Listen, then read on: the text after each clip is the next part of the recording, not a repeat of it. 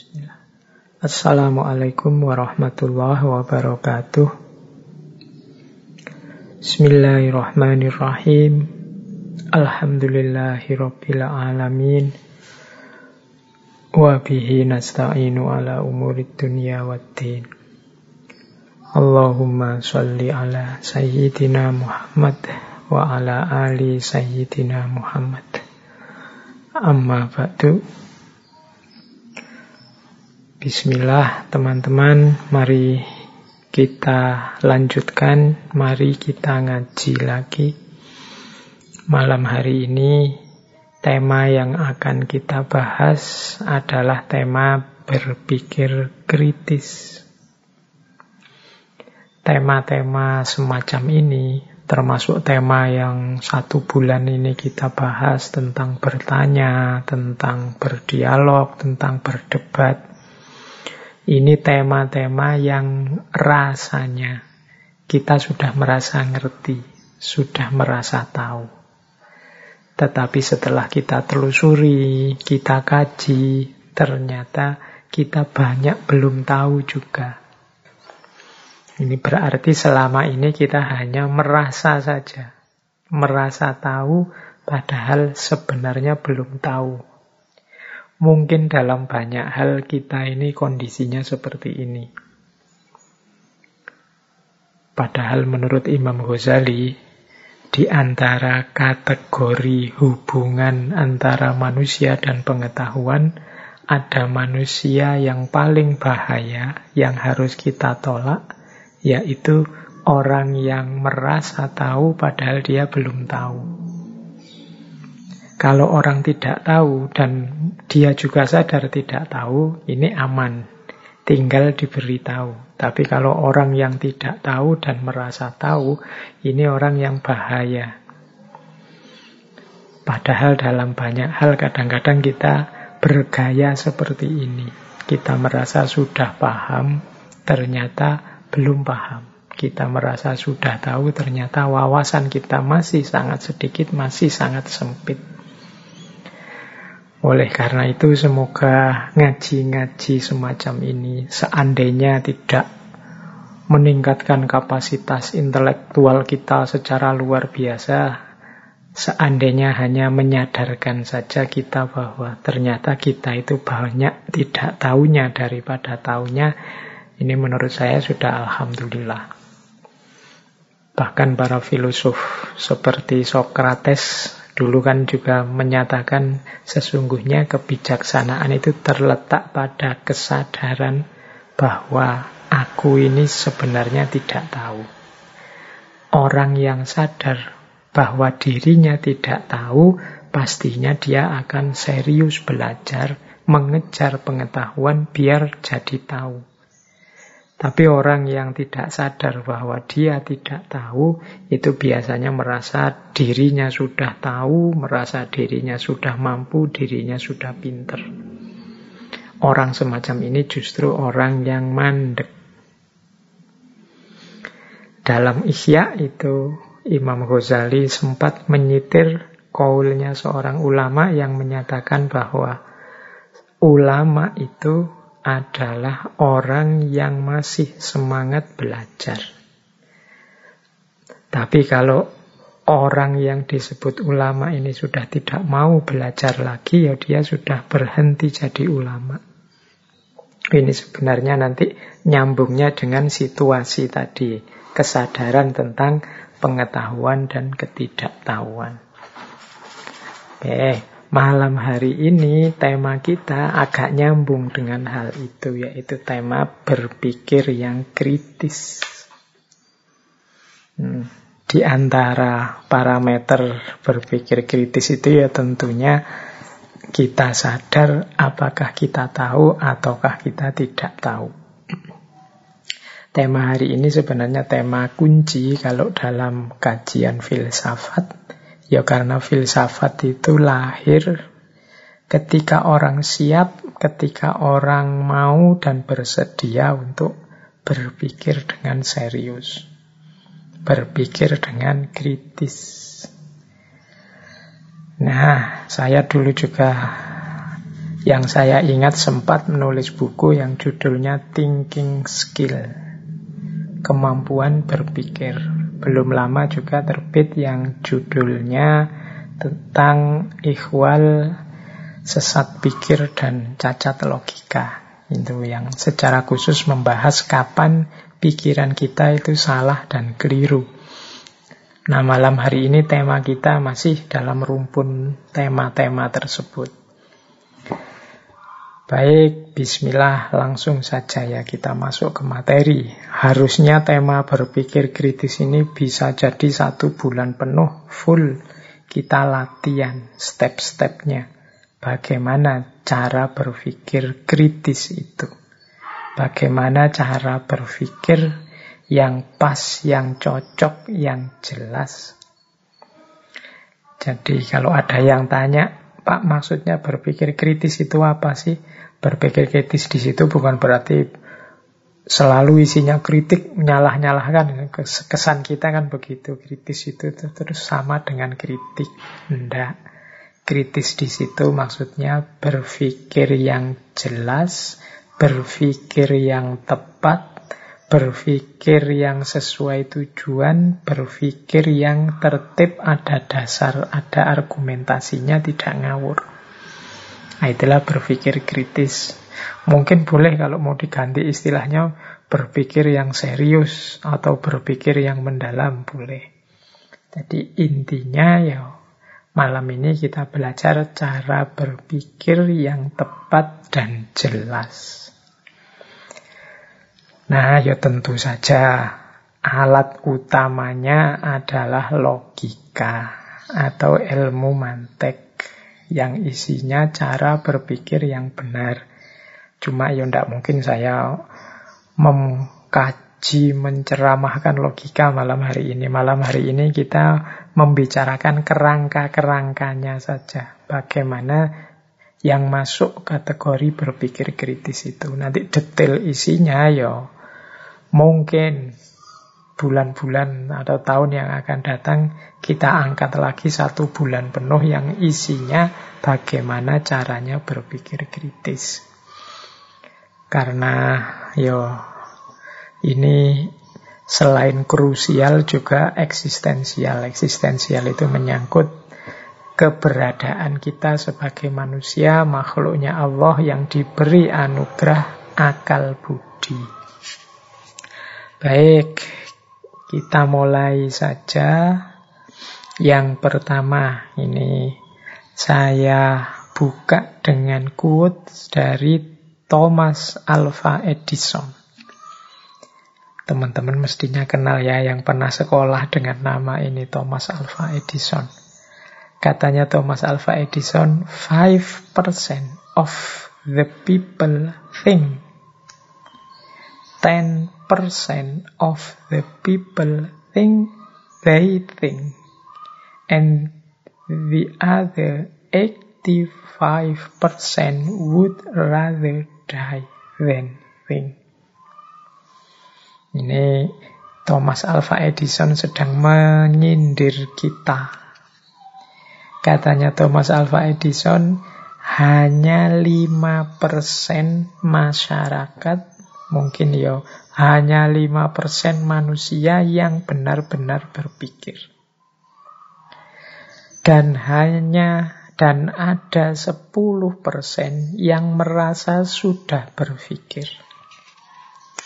Jadi kalau manusia itu dihitung 100%-nya, yang serius mikir beneran itu cuma 5% yang 10% itu merasa dia sudah berpikir, padahal sebenarnya ya belum.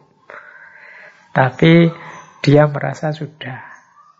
Jadi seolah-olah sudah berpikir, padahal belum. Mungkin karena belum ngerti caranya berpikir yang benar atau tidak ngerti bedanya sudah berpikir apa belum.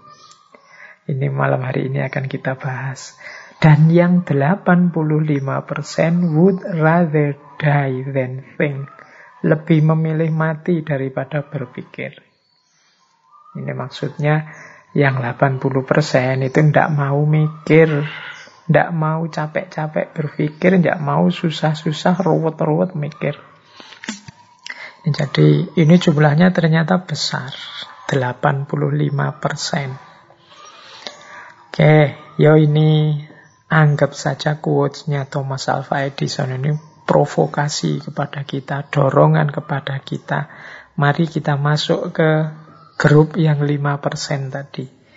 Hidup dengan landasan pikiran, akal budi, berpikir yang benar. Maka malam hari ini mari kita belajar berpikir kritis. Bagian dari berpikir kritis itu sebenarnya sudah kita bahas sejak minggu pertama. Ketika kita bertanya secara tepat, itu menunjukkan bahwa kita sudah mampu berpikir kritis. Kita bisa berdebat secara baik dan berdialog secara produktif, itu juga bagian dari kemampuan berpikir kritis. Nah, malam hari ini kita masuk ke tema utamanya, yaitu berpikir kritis itu sendiri. Kita mulai sekarang materi pertama kita tentang berpikir kritis. Mengapa kita perlu berpikir kritis? Nah, ini ada kalau ini jawaban-jawaban yang sifatnya analisis. Kira-kira apa sih yang membuat kita butuh berpikir kritis itu? Apakah tidak bisa berpikir kritis itu otomatis saja? Kita mikir biasa saja kayak orang-orang lain, toh semua orang juga berpikir apa ada orang yang tidak berpikir hidup di muka bumi ini. Semuanya juga berpikir. Kalau tidak berpikir, dia tidak bisa hidup selayaknya seorang manusia. Tapi kalau kita renungi, ternyata berpikir itu sesuatu yang sifatnya kompleks. Tidak sesederhana yang kita bayangkan. Ya, secara otomatis kita bisa berpikir. Tapi nanti ada banyak problem, banyak masalah yang memerlukan perenungan lebih dalam. Tidak bisa dijawab dengan Berpikir sambil lalu otomatis saja. Perlu tahapan-tahapan, perlu proses-proses. Itu makanya para ulama juga banyak yang menyarankan kita belajar ilmu alat. Di antara ilmu alat itu yo ilmu mantek, ilmu cara untuk berpikir. Saya kalau di kelas kadang-kadang memberi contoh, kalau kita tidak belajar logika, penyimpulan kita bisa salah loh. Dari logika yang sangat sederhana saja. Misalnya kita kan sering memberi contoh bahwa semua manusia mati. Saya manusia, maka nanti saya mati. Ini simple. Cara berpikir seperti ini kan nanti kita sebut silogisme. Ini contoh paling sederhana. Tapi misalnya contohnya saya ganti, ini kesimpulannya bisa membingungkan. Misalnya semua bapak adalah laki-laki. Saya laki-laki. Oh itu kalau pakai teori tadi kesimpulannya berarti oh kalau begitu saya bapak. Ini lo itu kalau tadi kok rasanya benar tapi kalau yang ini kok rasanya ganjel ya. Semua bapak laki-laki. Saya memang laki-laki, tapi kan tidak mesti saya bapak. Salahnya di mana yo? Ini ada kaidah logika yang dilanggar. Jadi ngertinya dari mana yo? Teman-teman belajar lagi tentang logika. Ini salah satu sebenarnya ilustrasi bahwa lo berpikir itu juga harus ngerti caranya. Ngerti jalannya. Oke, Itulah antara lain gunanya berpikir kritis.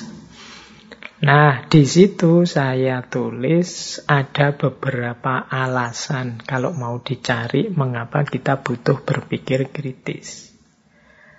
Yang pertama, berpikir itu sifatnya eksistensial.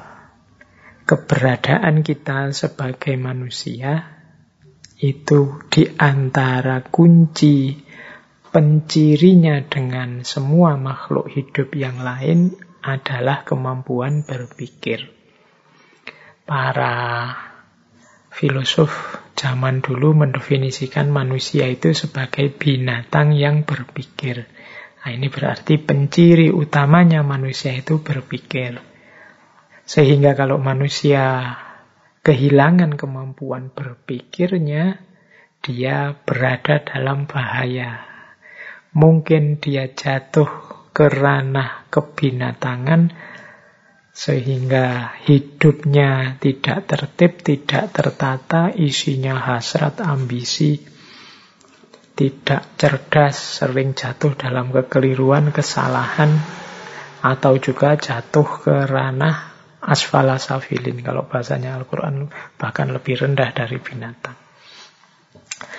Nah, ini jawaban eksistensial yang pertama. Manusia itu ya secara eksistensial memang butuh berpikir.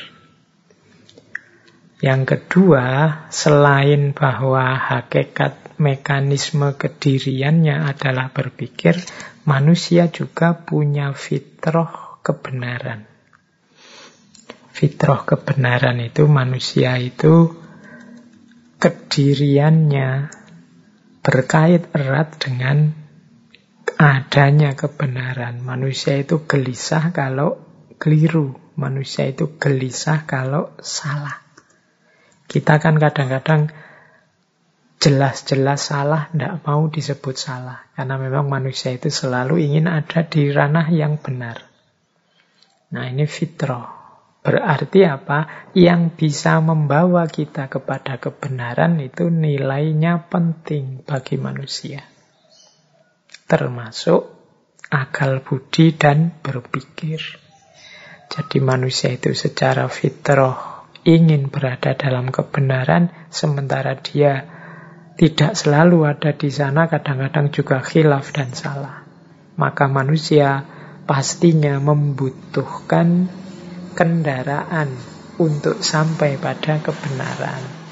Antara lain kemampuan berpikir kritis. Yang ketiga, secara pragmatis manusia itu membutuhkan berpikir untuk hampir semua wilayah kehidupannya. Berpikir adalah universal need, kebutuhan kita yang universal di bidang apa pun. Saya pernah ditanya, Pak, kalau belajar filsafat itu nanti kerjanya di mana? Itu zaman itu saya masih bingung jawabnya gimana ya kan kalau nyari lowongan pekerjaan di koran-koran itu kan tidak pernah ketemu dicari seorang filosof. Apa teman-teman nyari coba dibuka webnya lowongan kerja itu. Jarang kan ditemu atau jangan-jangan malah tidak ada ada dicari seorang filosof. Kalau dilihat ininya itu mungkin para sarjana dan mahasiswa filsafat bisa pesimis. Tapi jangan lupa, hakikatnya filsafat itu adalah berpikir yang benar. Dan berpikir ini kualifikasi kompetensi yang dibutuhkan oleh semua bidang pekerjaan, bahkan semua bidang kehidupan manusia. Tidak ada satu bidang pun yang tidak butuh kemampuan berpikir yang benar. Maka kalau ada yang tanya, kalau yang tanya saya sekarang, Pak, sarjana filsafat itu pekerjaannya apa? Ya, jawaban saya mestinya ya dia bisa bekerja di bidang apa saja. Karena kemampuannya kemampuan yang paling dasar, yaitu kemampuan berpikir yang benar. Dan semua bidang pekerjaan ya membutuhkan kemampuan berpikir yang benar. Sehingga dia disebut universal need. Nah ini kalau ada yang tanya ya, mengapa kita butuh berpikir kritis? Ya karena setiap bidang pekerjaan, setiap dimensi hidup kita membutuhkan tanggapan kemampuan berpikir yang benar. Yang keempat, mengapa kita butuh berpikir yang benar? Karena hidup ini dinamis, Hidup ini plural, macam-macam. Satu kebenaran mungkin cocok di sini, tidak cocok di sana. Cocok sekarang, tidak cocok untuk besok. Sehingga manusia tidak bisa berhenti di satu titik kebenaran. Dia butuh terus-menerus mengelola, mengolah kebenaran itu agar senantiasa sesuai untuk hidupnya. Berarti berpikir kritis itu kebutuhan manusia untuk beradaptasi dalam hidupnya. Kalau dulu memang cocoknya begini, tapi sekarang tidak bisa lagi begini, harus begitu. Loh, kemampuan seperti ini, ini kan namanya kemampuan berpikir kritis. Kalau dulu yang seperti itu diperbolehkan, dianggap benar, tapi yang kalau sekarang tidak lagi, situasinya berubah. Kalau dulu kita rajin silaturahim, menemui saudara-saudara kita langsung ke rumahnya masing-masing, salaman, pelukan, cipika-cipiki, itu kelihatan menyenangkan, membahagiakan, indah. Sesuatu yang dianggap positif, benar. Tapi sekarang, zaman pandemi, ya kalau bisa tidak begitu lagi. Kalau kita nekat ke mana-mana silaturahim, terus ketemu teman, salaman, cium tangan, cipika-cipiki, dan seterusnya, ya resikonya bisa dibubarkan polisi, bisa akhirnya kita kena corona. Situasinya berubah. Tanggapan berpikirnya juga harus berbeda. Ini namanya berpikir kritis. Itulah mengapa kita perlu berpikir kritis.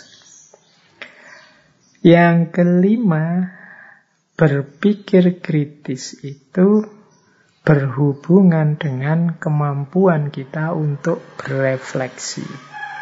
Berefleksi itu merenungi kehidupan kita dan kemampuan refleksi nanti berkait dengan pengembangan diri. Bagaimana kita hidup semakin baik, semakin baik, semakin baik. Ini perlu kemampuan berpikir yang mendalam, yang serius. Jadi ternyata berpikir kritis itu penting. Sebenarnya mau ngomong ini saja. Saya yakin teman-teman juga sudah tahu kalau berpikir kritis itu penting. Tapi tetap saya sampaikan. Siapa tahu sudah tahu tadi hanya merasa sudah tahu. Padahal aslinya belum tahu. Kalau ditanya juga masih bingung. Baik, kita lanjutkan. Nah, sekarang karakter karakter yang disebut kritis itu seperti apa sih? Nah, jadi kritis itu ketika seseorang mampu berpikir, kalau di situ saya tulis enam. Yang pertama logis, yang kedua objektif, yang ketiga independen, yang keempat komprehensif. Yang kelima kreatif. Yang keenam argumentatif. Jadi logis itu ya masuk akal. Tidak tabrakan dengan prinsip-prinsip logika. Ini orang kritis. Kalau ada yang tidak logis ya orang yang berpikir kritis akan bisa mendeteksi. Oh ini tidak logis. Tadi malam katanya sakit parah. Eh sekarang kok sudah jalan-jalan ke luar negeri dan seterusnya. Ini tidak logis. Pasti ada yang salah di situ. Oke, itu ciri pertama. Jadi ini kalau akal kita terlatih dengan berpikir logika, insya Allah kita bisa mendeteksi ada yang tidak logis. Meskipun mungkin harus diteliti dulu, tapi secara intuitif kita merasa ada yang tidak logis ini, ada yang keliru. Yang kedua, objektif. Objektif itu berarti, ya mudahnya objektif itu, oh, pemikir yang kritis itu ya menjelaskan, memaparkan sesuatu tanpa dia mengintervensi. Kalau orang yang menjelaskan mengintervensi nanti hasilnya subjektif. Tapi objektif itu ya A dibilang A, B dibilang B. Tinggi dibilang tinggi, rendah dibilang rendah. Itu objektif namanya. Pak, apa bisa Pak orang itu objektif? Manusia itu kan selalu subjektif. Ini kadang-kadang ada yang bertanya ke saya seperti ini. Ya, kalau ditelaah secara sangat mendalam, nanti ya ketemunya bahwa ya orang itu nanti jatuhnya selalu kalau pandangan ya pandanganku, kalau pemahaman ya pemahamanku. Dan ini kan sifatnya subjektif. Tapi dalam prosesnya tetap kita harus mengedepankan objektivitas. Tidak boleh sejak awal. Kan subjektif itu tidak ada atau ya berarti saya ngawur saja lah kan setiap orang sesuai persepsinya. Nah, ini namanya sudah tidak objektif lagi. Bahwa nanti hasilnya ya sesuai persepsiku, sesuai pandanganku yang mungkin tidak cocok dengan semua orang tidak masalah. Yang penting sejak awal Niatku adalah untuk menjelaskan seobjektif mungkin. Aku sudah berusaha untuk diriku tidak ikut campur dalam penjelasan ini, menjelaskan apa adanya. Nah itu objektif. Bahwa nanti hasilnya ya agak masuk-masuk dikit subjektivitasnya ya itu manusiawi. Tapi tidak boleh sejak awal niatnya niat subjektif. Pokoknya ini kan hakku, jadi aku menyimpulkannya suka-suka aku. Nah, ini berarti sejak awal memang tidak niat menemukan kebenaran. Yang ketiga, independen. Independen itu lanjutannya objektif tadi. Tidak bias, tidak dipaksa orang, tidak dipengaruhi orang. Memang hasil temuannya sendiri tanpa disetir oleh apa pun atau siapa pun namanya independen. Yang keempat, komprehensif. Komprehensif itu ya utuh, dilihat semua, direnungi semua, dipikirkan semua, tidak milih-milih. Tidak hanya melihat bagian ini saja atau bagian itu saja, tidak komprehensif. Misalnya membahas tokoh siapa, ya dilihat komprehensif tidak bias berarti tidak independen atau dipilih-pilih. Saya milih bagian ini saja, saya milih bagian itu saja. Nanti sebenarnya ini orang baik, tapi untuk kepentingan penelitian saya ya harus saya pilih bagian jeleknya saja. Biar aku tesisku tidak gugur, biar hipotesisku benar. Nah ini berarti tidak komprehensif dia milih-milih. Kemudian yang kelima kreatif dan yang keenam, argumentatif. Kreatif itu kemampuan memproduksi gagasan-gagasan baru. Kalau argumentatif itu menyatakan apa pun punya alasannya, punya dasarnya. Tidak ngawur, itu argumentatif. Jadi kalau teman-teman menyampaikan sesuatu, terus orang banyak alasannya apa, dasarnya apa, Nah, kalau kita bisa menjawab, berarti kita itu orang yang argumentatif. Bisa memberi argumen. Kalau ngomong berarti tidak ngawur. Kalau kreatif, itu biasanya mampu menampilkan konsep-konsep baru, temuan-temuan baru, gagasan-gagasan atau ide yang baru, yang jadi alternatif jawaban dari problem yang kita hadapi. Itu kemampuan tergolong kemampuan kritis juga. Jadi ternyata kritis itu logis berarti yang tidak logis tidak masuk kriteria kritis. Objektif berarti kalau sejak awal sudah tidak objektif untuk kepentingan-kepentingan tertentu ya perlu dikritisi. Kalau sudah objektif sudah kritis Kemudian yang ketiga, independen, tidak bias, tidak penuh kepentingan di luar kebenaran. Yang keempat, komprehensif, melihatnya utuh. Yang kelima, kreatif. Dan yang keenam, argumentatif. Hmm, jadi kalau teman-teman ingin membangun diri jadi sosok yang kritis, kalau mahasiswa ya mahasiswa yang kritis, kalau pegawai ya pegawai yang kritis, tampilkanlah diri kalian sebagai sosok yang logis, objektif, independen, komprehensif, kreatif, dan argumentatif. Terus kita lanjutkan. Nah, ini beberapa catatan dulu sebelum kita masuk ke ciri-ciri dan lain sebagainya tentang berpikir kritis. Berpikir kritis itu tidak sama dengan menghafal atau sekedar mengumpulkan informasi.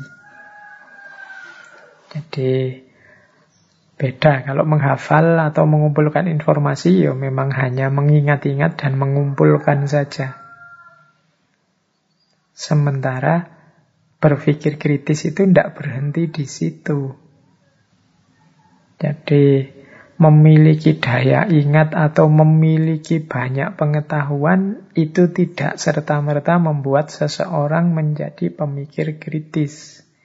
Meskipun kalau kita berpikir kritis pasti kita butuh banyak informasi, banyak pengetahuan. Tapi yang banyak informasi, banyak pengetahuan tidak serta-merta kemudian pemikirannya tergolong pemikiran kritis.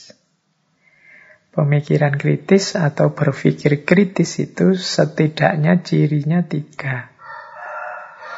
Mampu memilah-milah dan mencari sumber informasi yang relevan. Yang kedua, mampu memanfaatkan informasi untuk memecahkan masalah. Dan yang ketiga, mampu menarik kesimpulan dari serangkaian fenomena. Ini baru kritis. Berarti kritis itu ya iya mengumpulkan informasi, tapi dia bisa milih mana informasi yang cocok, mana informasi yang tidak cocok. Mana informasi yang sesuai, mana yang tidak sesuai, mana yang dibutuhkan, mana yang tidak dibutuhkan. Nah ini berarti sudah kritis, tapi kalau hanya sekedar pokoknya informasi apa pun saya ingat-ingat, saya kumpulkan, saya hafal. Tidak jelek, tapi belum masuk kategori kritis.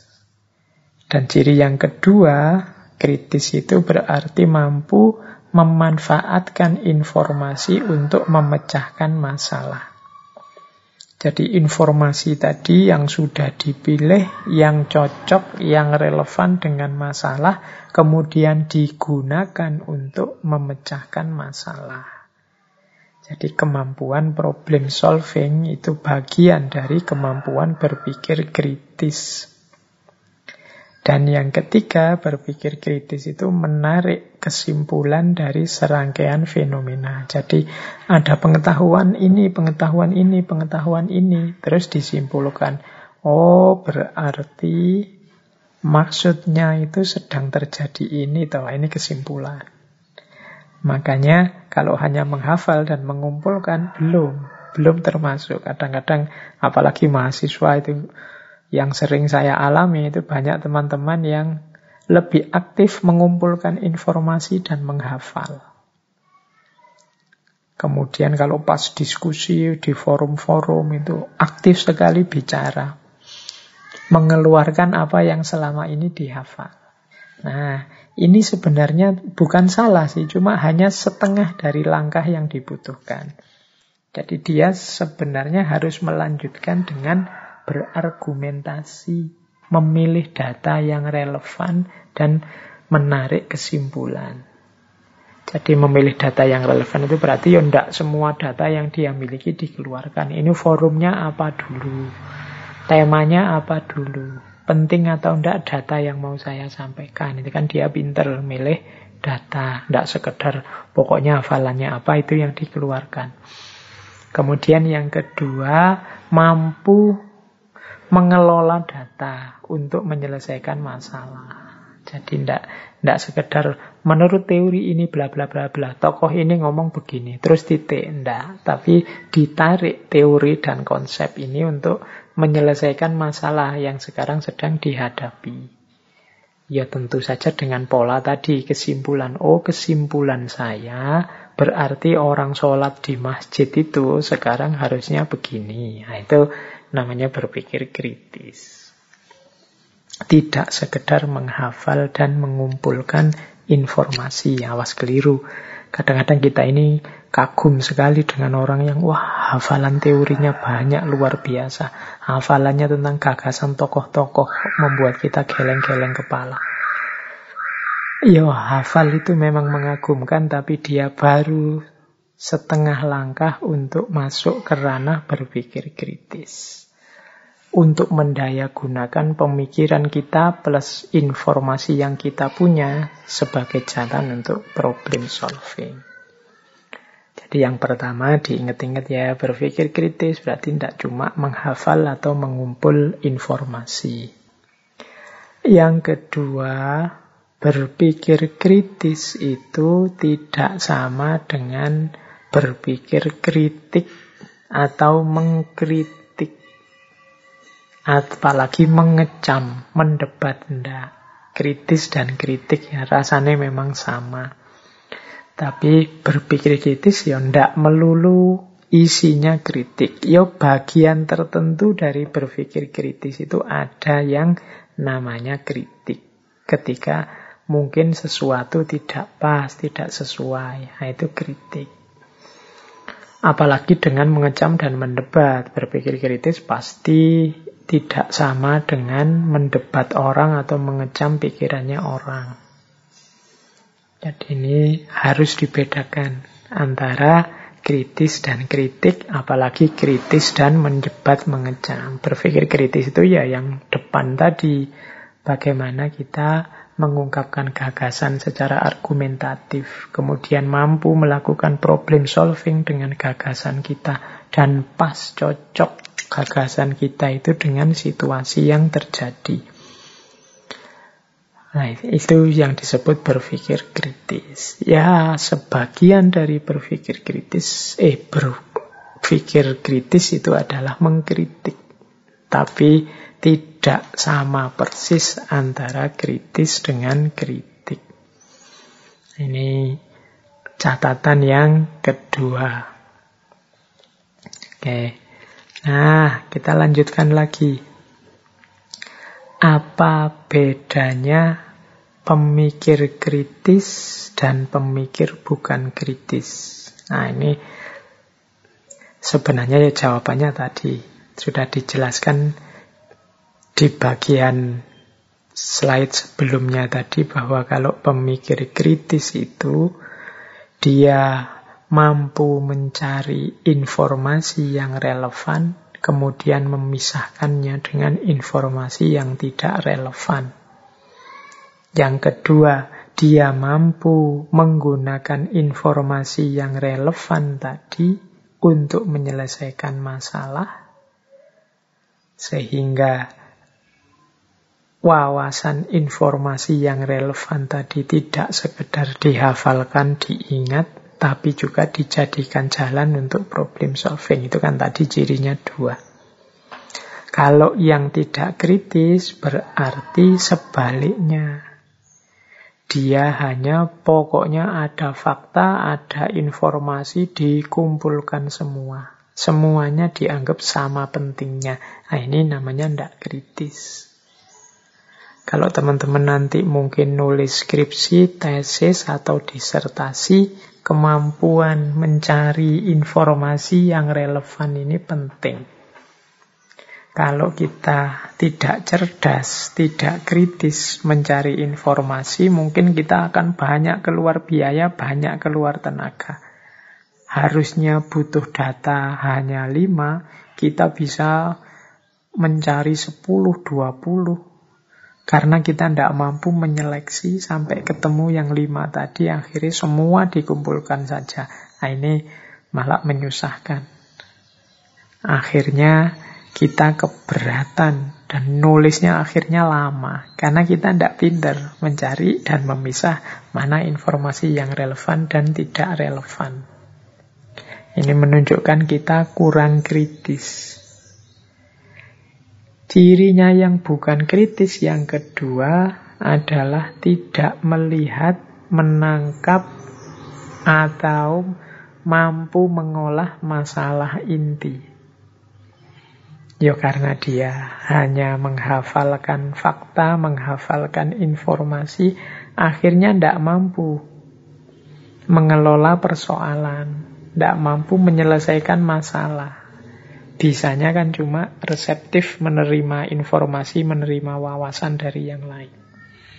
Nah ini juga ciri kalau kita teorinya banyak, konsepnya banyak, hafal hikmah-hikmah di mana-mana tapi tidak bisa kita terjemahkan dalam kehidupan sehari-hari untuk menyelesaikan masalah-masalah kita, kemungkinan kita memang kurang kritis.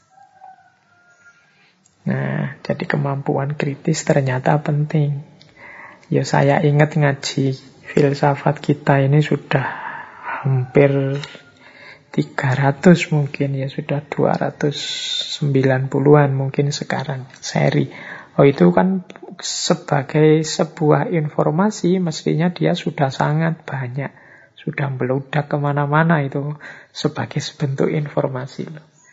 Tapi teman-teman sebagai pemikir yang kritis harusnya mampu memilah mana yang relevan, mana yang tidak relevan.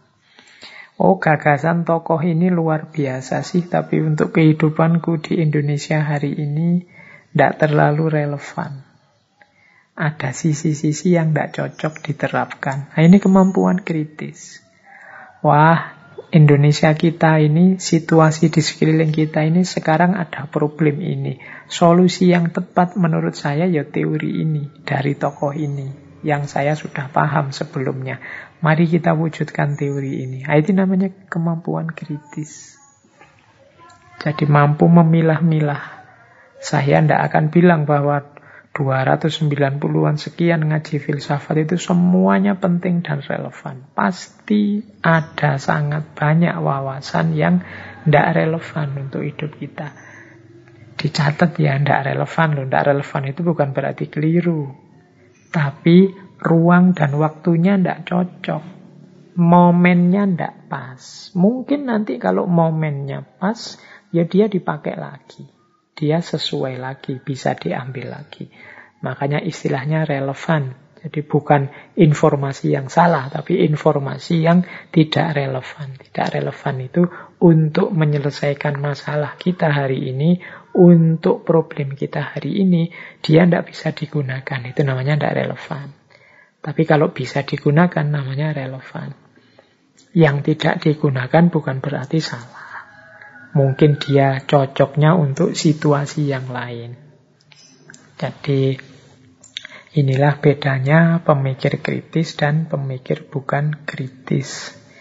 Teman-teman boleh mengidolakan siapa pun, teman-teman boleh mengikuti tokoh yang disukai siapa pun, tapi semoga tetap kritis. Kritis itu tadi kemampuan memilih data yang relevan. Kok ada dari tokoh yang saya kagumi, Pak, ini beberapa gagasannya tidak relevan dalam hidup saya. Ya, diingat-ingat saja, tidak relevan itu bukan berarti salah. Tapi gagasan itu untuk situasimu hari ini, saat ini tidak cocok. Kan itu saja. Mungkin besok kalau situasinya berubah dia cocok lagi, sesuai lagi. Oke, jadi itu ya bedanya kritis dan tidak kritis. Terus sekarang kita masuk ke kompetensinya. Ini lo cirinya kemampuan yang dimiliki orang-orang kritis. Makanya saya beri judul kompetensi kritis. Orang kritis itu orang yang bagaimana sih? Yang pertama, orang kritis itu orang yang mampu menggunakan fakta-fakta, data-data secara tepat dan jujur.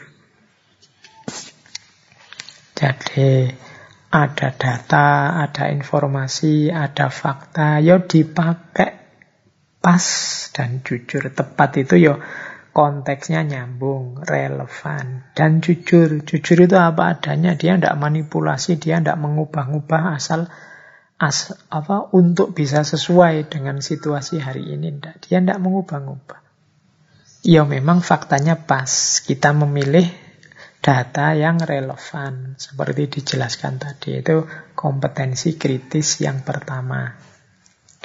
Kemudian orang kritis itu yang kedua mampu mengorganisasi pikiran dan mengungkapkannya dengan jelas, logis, dan masuk akal. Jadi, yo gampang-gampangannya pinter bernalar, pinter mengelola pikiran, dan pinter menyampaikannya.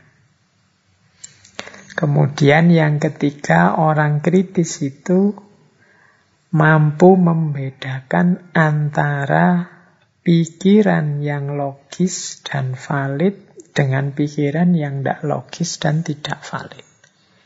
Jadi orang kritis itu bisa menilai, oh ini masuk akal. Kalau itu tidak masuk akal. Nah itu berarti orang ini punya kemampuan kritis. Banyak orang yang tidak bisa menjudgment ini masuk akal, ini tidak masuk akal itu. Mungkin karena terhalangi oleh ambisinya, terhalangi oleh idolanya, terhalangi oleh apa pun, sehingga dia tidak bisa membedakan ini logis atau tidak logis, ini masuk akal atau tidak masuk akal, ini valid atau tidak valid. Nah, kemampuan ini menunjukkan kita kritis kalau mampu melakukan yang seperti itu. Kemudian yang kelima, mampu mengidentifikasi kecukupan data. Ya kalau ini orang yang kritis itu bisa menentukan ini datanya sudah cukup apa belum. Alasan yang mau saya sampaikan ini sudah memadai apa belum. Nah ini kalau orang kritis mampu melakukan itu. Kalau kita kesulitan di sini ya berarti kita kurang kritis. Saya tidak bilang tidak kritis ya, karena insya Allah kita punya daya kritis di level kita masing-masing. Nah, di antara cirinya tadi mampu menilai cukup, oh ya, kalau alasannya itu cukup sudah. Argumennya itu, datanya itu menurut saya sudah cukup. Tapi kalau masih ini belum. Misalnya problem mengapa orang se-Indonesia sekarang mudah marah misalnya. Terus datanya hari hanya dari grup WA teman-temanmu sendiri. Di grup WA saya itu isinya orang marah-marah terus hari ini. Nah, ya kalau datanya seluas grup WA yang maksimal paling isinya berapa orang mungkin belum signifikan, belum cukup untuk menyimpulkan sebagai dasar untuk orang Indonesia. Nah, oke, okay, itu kompetensi kritis yang keempat. Yang kelima, mampu menyangkal argumen yang tidak relevan dan menyampaikan argumen yang relevan. Relevan dan tidak relevan saya jelaskan tadi ya, sesuai dan tidak sesuai, cocok atau tidak cocok dengan situasi saat ini. Argumenmu luar biasa sih, masuk akal ya. Tapi untuk situasi sekarang tidak cocok, tidak sesuai. Hari ini orang sudah tidak percaya yang seperti itu lagi manusia hari ini tuh butuhnya apalah gitu ya kalau berargumen. Kalau tidak ada gambarnya mereka tidak percaya, tidak ada videonya mereka tidak percaya. Jadi kalau kamu hanya kata-kata sekarang tidak dipercaya. Atau begini, kalau hari ini itu engkau dianggap benar kalau followermu ya minimal seribu lah. Itu baru kamu dianggap punya power. Tapi kalau kamu tidak punya follower ya hari ini jangan marah. Kalau pandanganmu dibantah, dan lain sebagainya. Ini namanya mampu menunjukkan relevan atau tidak relevannya argumen. Kemudian kompetensi kritis juga adalah mampu mempertanyakan suatu pandangan dan mempertanyakan implikasi dari suatu pandangan mempertanyakan itu ya mungkin setara dengan menggugat cocok ndak itu kok kamu berpendapat begitu alasanmu apa wong menurut saya gagasanmu itu gagasan yang nanti hanya akan merusak kehidupan kita bersama Nah ini kemampuan mempertanyakan namanya. Kok kamu bisa posting seperti itu? Ini kan situasinya sudah keruh. Kalau kamu posting terus yang seperti itu, nanti tambah keruh, tambah panas. Apa kamu memang ingin kita ini meledak, saling serang, saling bunuh, dan lain sebagainya. Ini kemampuan mempertanyakan. Ini juga menunjukkan kita tergolong pemikir kritis. Kemudian yang keenam, pemikir kritis itu orang yang sadar bahwa dia juga bisa salah, dia juga bisa keliru. Dia sadar pemahamanku terbatas, dia sadar aku tidak selalu benar, aku tidak selalu cocok dan sesuai dalam berpikir. Nah, ini Orang yang sadar semacam ini juga termasuk kompetensi kritis. Berarti kritis tidak sama dengan ngeyel. Tidak mau disalahkan. Merasa dirinya selalu benar. Pokoknya siapa pun yang debat dengan saya harus kalah. Dalam pengalaman hidupku tidak pernah aku debat kok kalah. Itu aku selalu menang. Ini mungkin justru menunjukkan engkau tidak kritis karena kita ini manusia. Wajar saja kalau kita keliru, salah. Kalau salah diingatkan ya diterima. Nah, ini kalau kita punya kualifikasi seperti ini ya berarti kita masih tergolong orang yang kritis. Oke, ini kompetensi kritis. Yo, mari kita tengok diri kita. Kita sudah punya kompetensi yang saya jelaskan ini apa belum? Kalau belum, apalagi ini teman-teman para akademisi, ya monggo latihan untuk kritis. Karena pengembangan diri dan juga perkembangan ilmu itu tergantung banyak pada kemampuan kita berpikir kritis. Oke, baik. Kita lanjutkan lagi. Silahkan kalau yang mau ambil nafas sebentar, istirahat sebentar. Jangan-jangan ada yang sudah ngantuk. Monggo tidur saja ndak apa-apa nanti bisa didengarkan lanjutannya di rekaman. Kita lanjutkan lagi setelah tadi kompetensi kritis, sekarang kita lihat titik-titik kritis. Ini saya beri judul proses and critical point. Ketika kita berpikir, proses inilah yang terjadi dan di setiap titik-titik proses proses itu sekaligus juga titik-titik kritis kita dalam berpikir. Berpikir itu diawali dari asumsi. Yo asumsi itu kan apa yang sudah ada di kepala kita tentang objek yang sedang kita pahami. Ini pasti ada. Kalau tidak punya asumsi-asumsi, jangan-jangan kita tidak bisa berpikir. Asumsi itu semacam pemahaman awal, kesan awal kita tentang apa yang akan kita pahami. Itu namanya asumsi. Dalam hidup ini kita berawal dari asumsi-asumsi.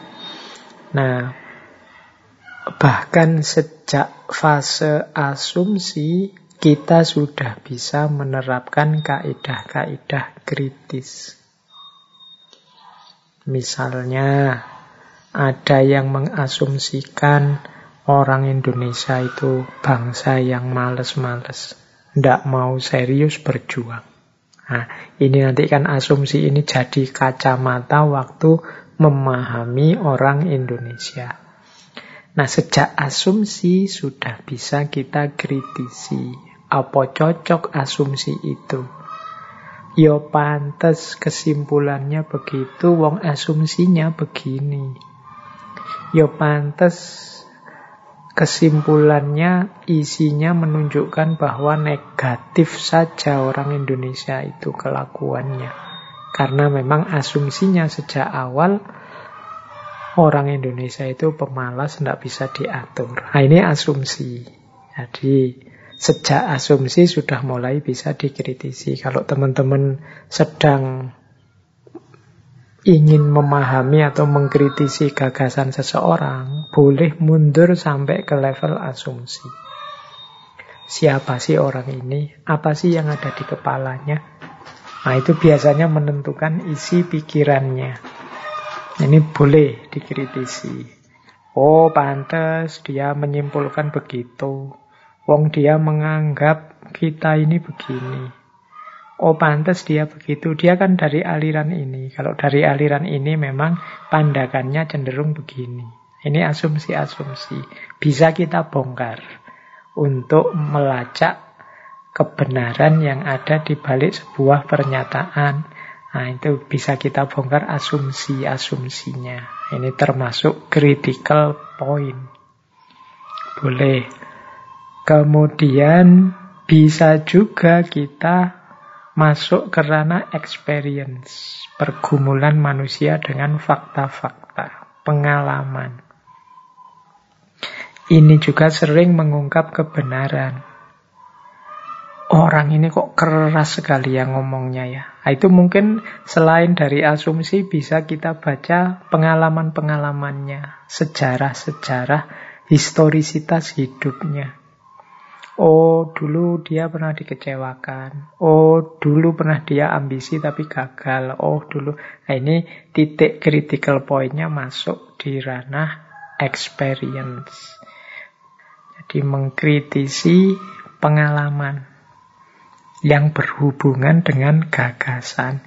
Oh, pantas dia begitu. Dia pernah debat terus kalah. Sekarang agak dendam kelihatannya. Nah, itu sisi experience-nya. Ini kadang-kadang juga jadi kunci untuk kita memahami sebuah pernyataan dan pemahaman. Baru setelah itu kita masuk ke ranah knowledge, pengetahuan. Ya kalau ini tidak perlu dijelaskan lagi, yang namanya pengetahuan itu bisa valid, bisa tidak valid, bisa salah, bisa benar, dan seterusnya.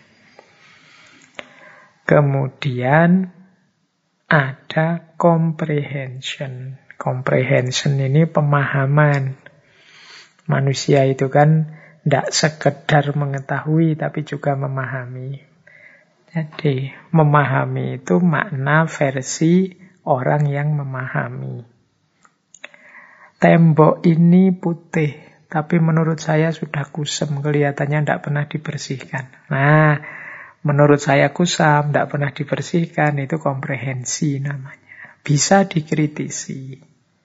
Kok dibilang kusem itu dibandingkan dengan apa? Dengan putihnya apa? Ya tom tembok itu naturalnya memang begitu. Wah, ini namanya mengkritisi. Mengkritisi pemahaman. Jadi makna yang kita berikan terhadap sesuatu itu yang tidak selalu pas. Ada kalanya juga perlu dikritisi. Jadi ada knowledge, pengetahuan, ada comprehension, pemahaman. Kan ada kalanya orang itu pengetahuannya benar, tapi dia salah paham atau dia tidak paham. Nah, ini hubungannya dengan comprehension. Critical point bisa masuk. Nanti titik kritis lagi bisa masuk juga ke ranah application. Application ini penerapan. Nah, selalu ada jarak antara pemahaman dan penerapan. Karena ini kalau sudah penerapan itu biasanya berhubungan dengan dunia nyata. Tapi pemahaman ke belakang, pemahaman, pengetahuan, asumsi itu kan hubungannya banyak di pikiran. Ketika pikiran ini mau diterjemahkan dalam kehidupan nyata, yang mestinya banyak juga kesulitan-kesulitannya, banyak juga penyesuaian-penyesuaian harus dilakukan. Nah ini juga bisa jadi titik-titik kritis. Misalnya pemahamannya umat Islam itu harusnya kalau sholat yang menutup aurat, Kalau laki-laki dari dengkul sampai pusar misalnya, dari lutut sampai pusar. Ini comprehensionnya. Begitu di aplikasi, ya menyesuaikan situasi masing-masing. Ada yang pakai sarung, ada yang pakai celana, ada yang pakai jubah, dan lain sebagainya dengan berbagai pertimbangan. Itu kan ranah aplikasi yang sebenarnya ingin menerjemahkan pemahaman dalam kenyataan. Bineka Tunggal Ika, kita ini berbeda-beda tapi tetap satu. Nah ini menerjemahkannya dalam kenyataan terus seperti apa. Oh itu nanti juga bisa macam-macam, bisa debat lagi, bisa diskusi lagi. Karena ranahnya ranah aplikasi. Kalau hanya ranah ideal mungkin kita semua setuju. Bineka Tunggal Ika, termasuk ketuhanan yang Maha Esa, termasuk kemanusiaan yang adil dan beradab dan lain sebagainya. Tapi begitu masuk ranah aplikasi, biasanya harus ada penyesuaian-penyesuaian. Kalau sudah ada penyesuaian, kritik bisa masuk. Kritisisme bisa masuk. Ini masih relevan apa enggak? Penyesuaian yang dilakukan sesuai apa enggak? Menghilangkan nilainya apa enggak? Nah ini dimensi aplikasi. Kemudian ada lagi kerja akal yang lain, kerja pikiran yang lain yaitu analisis. Analisis ini ya membaca, menguraikan, memetakan, mengklasifikasi dan lain sebagainya, menganalisis. Oh, situasinya memang begini-begini. Sehingga kalau kita ingin menyelesaikan ini, jalannya harusnya melalui ini. Unsur-unsurnya ada lima, harus kita selesaikan satu-satu, stop, dan seterusnya. Ini namanya analisis. Jadi mengurai masalah dalam unit-unitnya, kemudian memetakan mana yang utama, mana yang pendukung, mana yang tambahan, dan seterusnya. Ini cara menganalisis, jadi menguraikan masalah. Ini juga kritik bisa masuk. Loh, kok prioritasnya itu? Kok yang utama itu, bukan yang ini? Nah, ini analisis namanya, mengkritisi analisis. Kok kategorinya santri, priayi, abangan? Apa memang begitu? Apa masih relevan sekarang analisis seperti itu? Nah, ini namanya kritik, critical point. Kita bisa masuk. Kok dibilang bahwa kalau orang kota itu egois, tidak mau kerjasama, kalau orang desa itu rukun, suka mudah diajak kerjasama. Apa masih relevan pandangan ini? Itu kritik pada analisis. Nanti ada lagi proses kritis itu di level sintesis. Sintesis ini penyatuan atau mudahnya ya penyimpulan. Ketika kita menyimpulkan sesuatu dari banyak dasar, banyak argumen terus kita simpulkan berarti memang enaknya kita ini bubar saja maka urusan selesai. Oh itu penyimpulan namanya. Ini kritik juga bisa masuk termasuk critical point dan yang terakhir evaluasi. Evaluasi itu menilai kembali yang tadi sudah diungkapkan, tadi sudah dibahas, sudah disimpulkan. Apa sudah seharusnya begitu? Apa sudah cocok seperti itu? Masih ada kurang-kurangnya kah? Kurangnya di bagian mana? Kekurangannya vital apa enggak? Dan seterusnya. Ini namanya evaluasi evaluasi juga di situ pasti pertimbangan-pertimbangan kritis masuk. Jadi, teman-teman yang ingin mengembangkan perilaku kritis bisa masuk di level-level proses berpikir ini. Bisa masuk di asumsi, bisa masuk di experience, bisa masuk di knowledge, bisa masuk di comprehension, application, analisis, sintesis maupun evaluation. Silahkan bertanyalah tentang hal-hal yang ada di titik-titik kritis, titik-titik proses itu. di situlah nanti kita ditantang untuk mengkritisi atau berpikir kritis. Oke, kita lanjutkan lagi.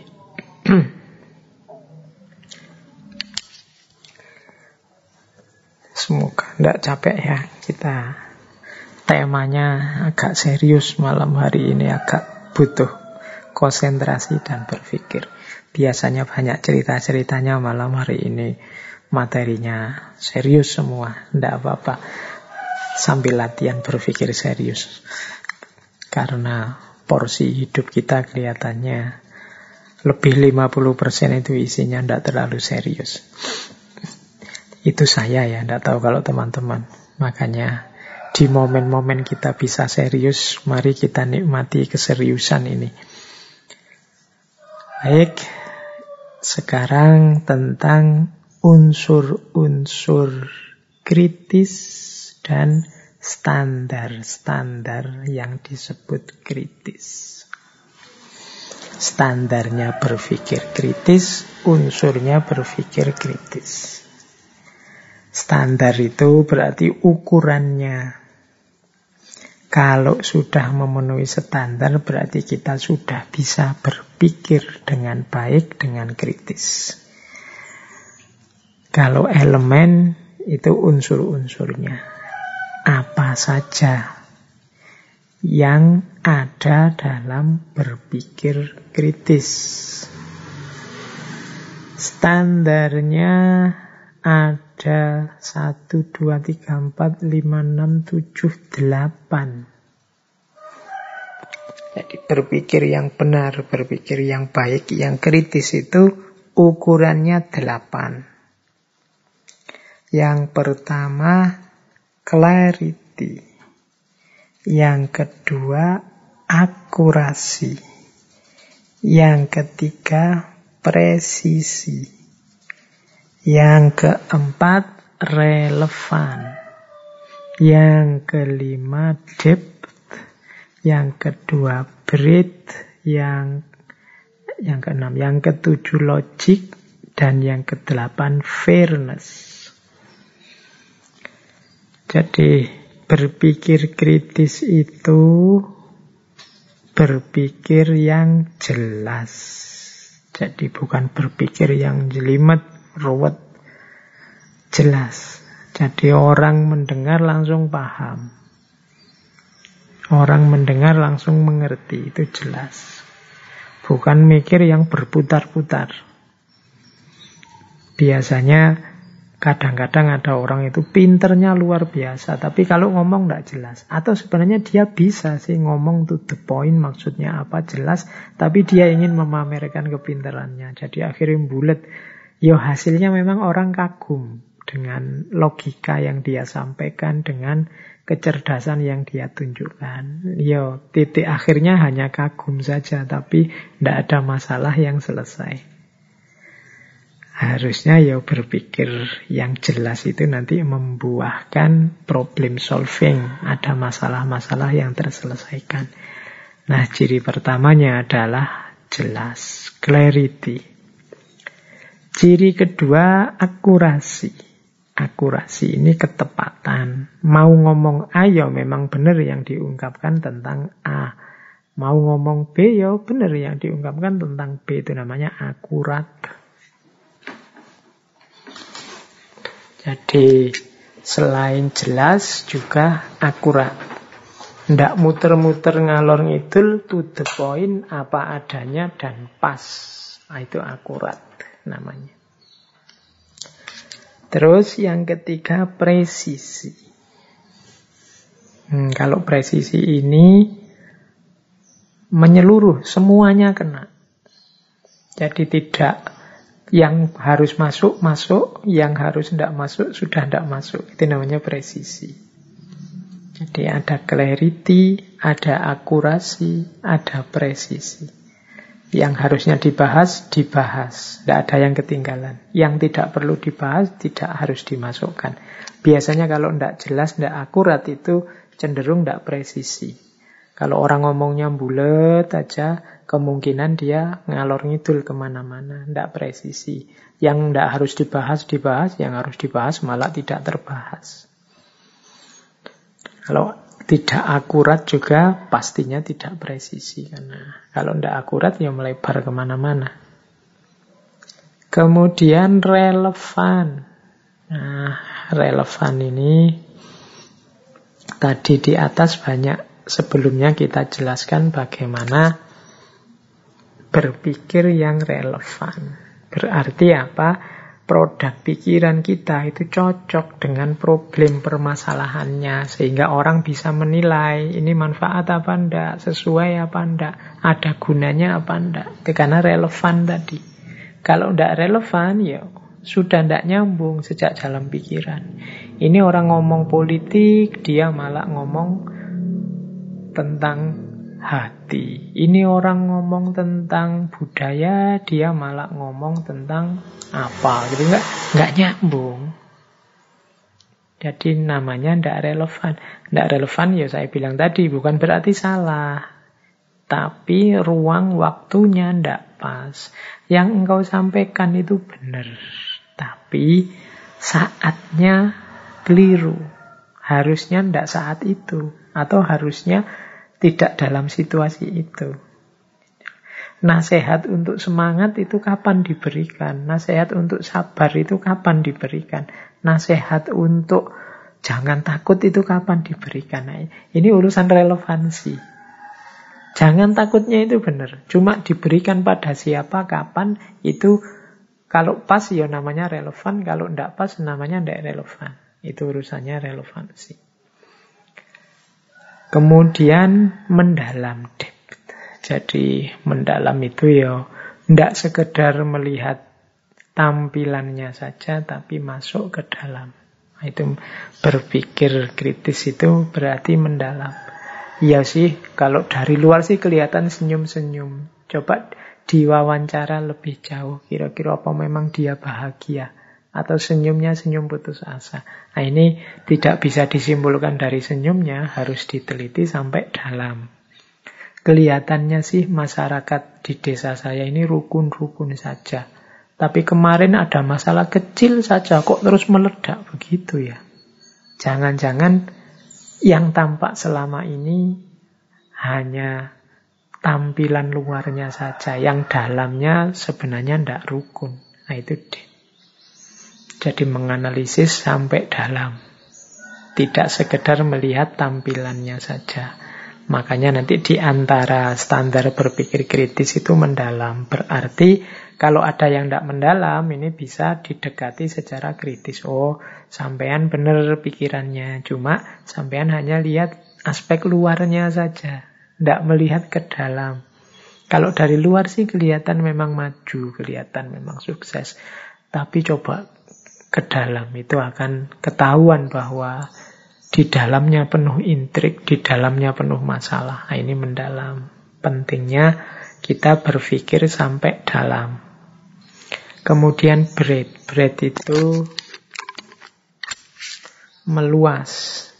Jadi meluas itu maksudnya apa? Ya tidak berpikir sempit. Banyak hal yang terjadi tidak bisa hanya dipahami dari kejadian itu saja. Dia harus dikait-kaitkan dengan kejadian-kejadian yang lain. Ini namanya berpikir meluas.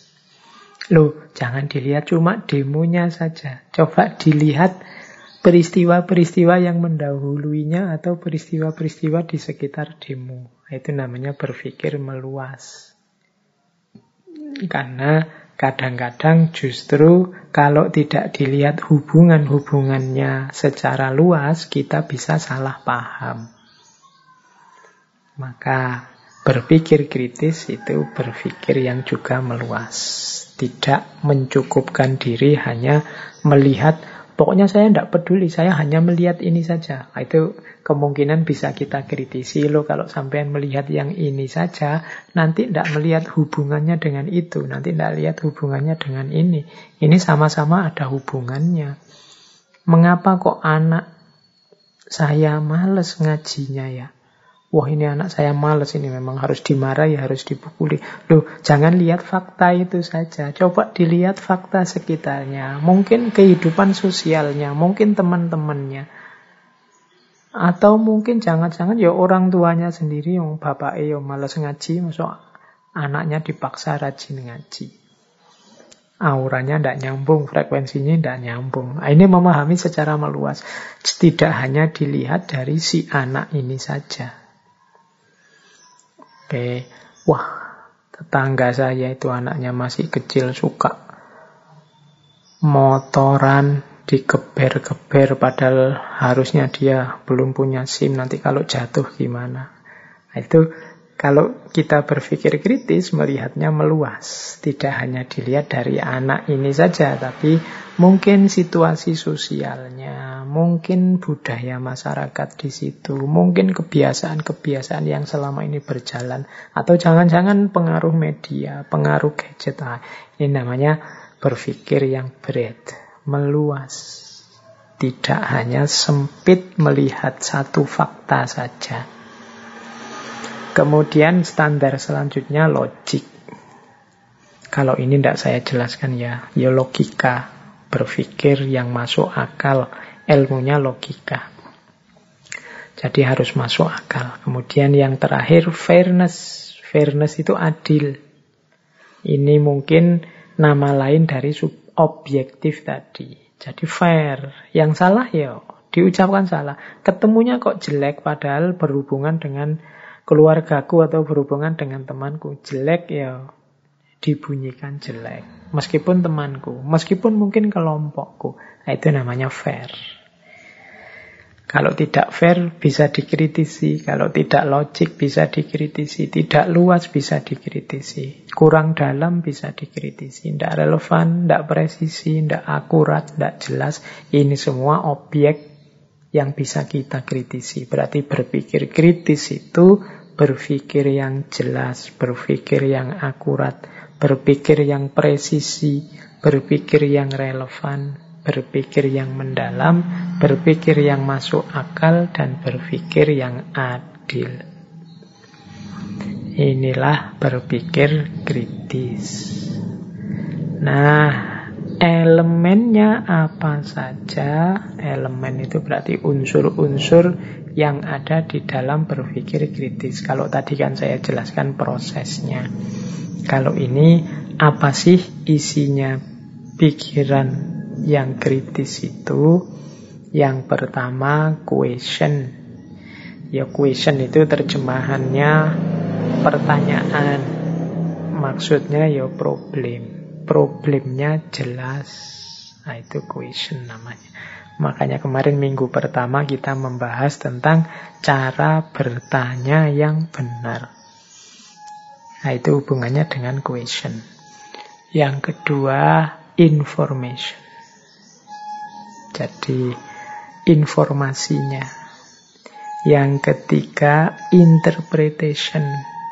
Interpretation itu pemahamannya. Yang keempat, konsep. Nah, konsep itu ya isinya. Yang kelima, assumption, asumsinya. Yang keenam, implication, akibatnya. Yang ketujuh, point of view, sudut pandangnya. Yang kedelapan, purpose, tujuannya. Jadi dalam satu konstruksi berpikir kritis, di situ ada pasti ada problem atau pertanyaan, ada informasi, ada interpretasi, ada konsep, ada asumsi, ada implikasi, ada point of view, sudut pandang, ada purpose, tujuan. Eh, problemnya apa sih? Ini question. Ini masalahnya apa? Intinya apa? Nah, itu question. Kalau questionnya tidak cocok, problemnya tidak sesuai, ya berarti perlu dikritisi. Yang kedua, information. Information itu berarti datanya dari mana. Jadi, argumennya dari mana, dasarnya dari mana, itu information. Faktanya di mana, itu information. Yang ketiga, interpretation. Interpretation itu berarti ya pemahamannya. Problem dia apa sih? Data dan faktanya seperti apa? Pemahaman dia bagaimana? Itu interpretation. Konsep. Kalau konsep itu ya isi pikirannya, isi gagasannya. Itu biasanya konsep-konsep. Kemudian asumsi. Tadi sudah saya jelaskan ya tentang asumsi. Jadi pemahaman-pemahaman awal sebelum dia melakukan aktivitas pemahaman yang saat ini dilakukan itu asumsi. Asumsinya apa? Dia kok memahami begitu? Kemudian implikasi. Kalau implikasi ini efeknya. Kalau pikirannya kita anggap benar, kira-kira Akibatnya untuk masyarakat seperti apa? Itu implikasi. Kemudian point of view. Point of view itu dari sudut mana kita memahaminya. Oh ya kalau dilihat dari sisi itu sih memang Indonesia ini termasuk maju. Tapi kalau dilihat dari ininya ya masih banyak yang harus ditingkatkan lagi. Nah ini point of view. Kemudian jangan lupa juga purpose. Purpose itu tujuan. Apa sih tujuannya kita membahas ini? Ingin mengkritik, ingin mendukung, atau ingin menjernihkan permasalahan, atau hanya sekedar tahu saja. Ini harus jelas. Karena kadang-kadang kita melakukan aktivitas berpikir serius tapi tidak jelas targetnya apa, tujuannya ke mana.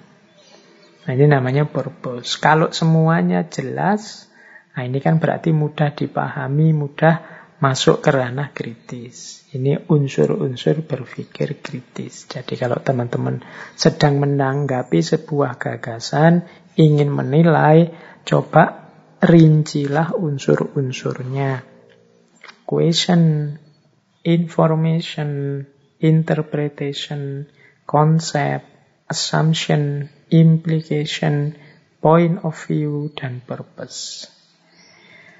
Pertanyaannya cocok apa enggak, datanya valid apa tidak, pemahamannya sesuai, nyambung apa tidak, isi pikirannya, maksudnya bagaimana, asumsi-asumsi yang dia pakai apa, dampaknya kira-kira apa nantinya, sudut pandang yang dia gunakan apa, tujuannya apa. Nah ini unsur-unsur berpikir. Kalau hasilnya sesuai dengan standar, berarti dia benar. Kalau tidak, ya berarti keliru. Kalau dia cocok dengan standar kejelasan, akurasi, presisi, relevansi, kedalaman, keluasan, kemasuk akalan, dan keadilan. Kalau ini masuk ke kriteria-kriteria ini, berarti gagasan tersebut bisa kita anggap benar. Pikiran tersebut kita anggap termasuk pikiran yang jelas dan benar dan kritis. Baik, semoga bisa ditangkap ya standar dan elemen. Kita lanjutkan. Nah, ada beberapa perilaku atau sikap yang harus kita hidupkan saat kita melakukan aktivitas berpikir kritis. Ini seperti dialog kemarin ya, saya bagi tiga. Perilaku kritis sebelum berpikir, perilaku kritis saat kita berpikir, dan perilaku kritis setelah kita berpikir. Oke, ambil nafas sebentar. Boleh minum kalau yang sudah menyiapkan minum. Nah, sebelum berpikir, ini semoga kita bisa menghidupkan perilaku-perilaku yang positif ini. Jadi sebelum berpikir itu maksudnya ya sebelum kita masuk ke ranah berpikir kritis. Yang pertama apa? Terbuka. Openness. Terbuka itu berarti kita mau menerima masukan, menerima data dari mana saja. Jadi menggali informasi seluas mungkin. Kadang-kadang kita menyampaikan cara berpikir mbok kita ini yang terbuka, yang inklusif itu. Kalau diucapkan enteng, tapi begitu dijalani prakteknya agak susah. Apalagi keterbukaan terhadap orang atau kelompok orang yang kita benci. Itu biasanya kita sudah sama sekali mata dan telinga kita tertutup. Jadi pokoknya kalau dari dia atau tentang dia pasti salah dan jelek. Nah ini ya berarti kita tidak bisa menghidupkan kualifikasi yang pertama. Berarti kita akan sulit nanti untuk berpikir yang kritis. Orang kritis itu ya harus terbuka. Informasi dari mana saja dipersilahkan masuk. Meskipun juga tidak kok terus masuk itu terus diterima diikuti. Ya enggak tapi sebagai informasi, sebagai data untuk diolah, nanti diputuskan. Mana yang saya ikuti, mana yang tidak, itu urusan nanti yang berbeda. Tapi dalam proses berpikir itu kita harus terbuka. Jangan sampai tadi, karena ada prinsip fairness, kita tidak adil. Yang kita dengarkan dari yang kita suka saja, yang kita setujui saja. Itu berarti kita kehilangan prinsip yang pertama prinsip keterbukaan. Kemudian yang kedua, jujur. Nah, jujur ini yang benar ya disampaikan sebagai benar, yang salah dipahami dan disampaikan sebagai salah. Nah, ini namanya jujur. Ya kelihatannya sepele juga, tapi penerapannya ternyata juga tidak sederhana.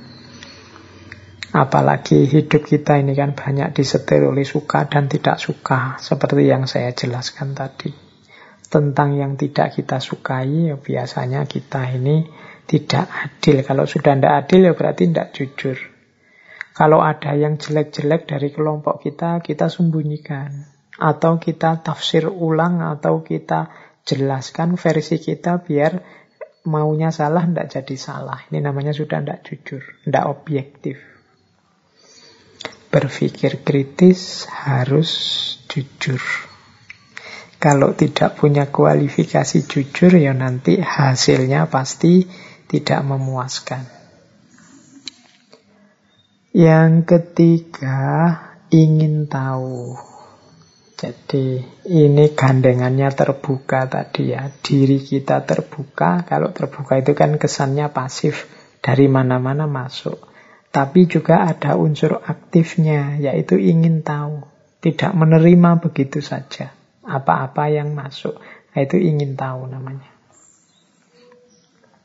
Di antara mentalitasnya ilmuwan itu ingin tahu. Jadi ilmuwan itu kan orang yang banyak ilmu atau orang yang cinta ilmu. Dia tidak mudah puas dengan yang dipahami saat ini. Dia merasa selalu kurang saja. Nah, itu berarti punya mental ingin tahu. Kemarin di sesi pertanyaan itu ya sudah saya jelaskan tentang curiosity. Daya ingin tahunya manusia.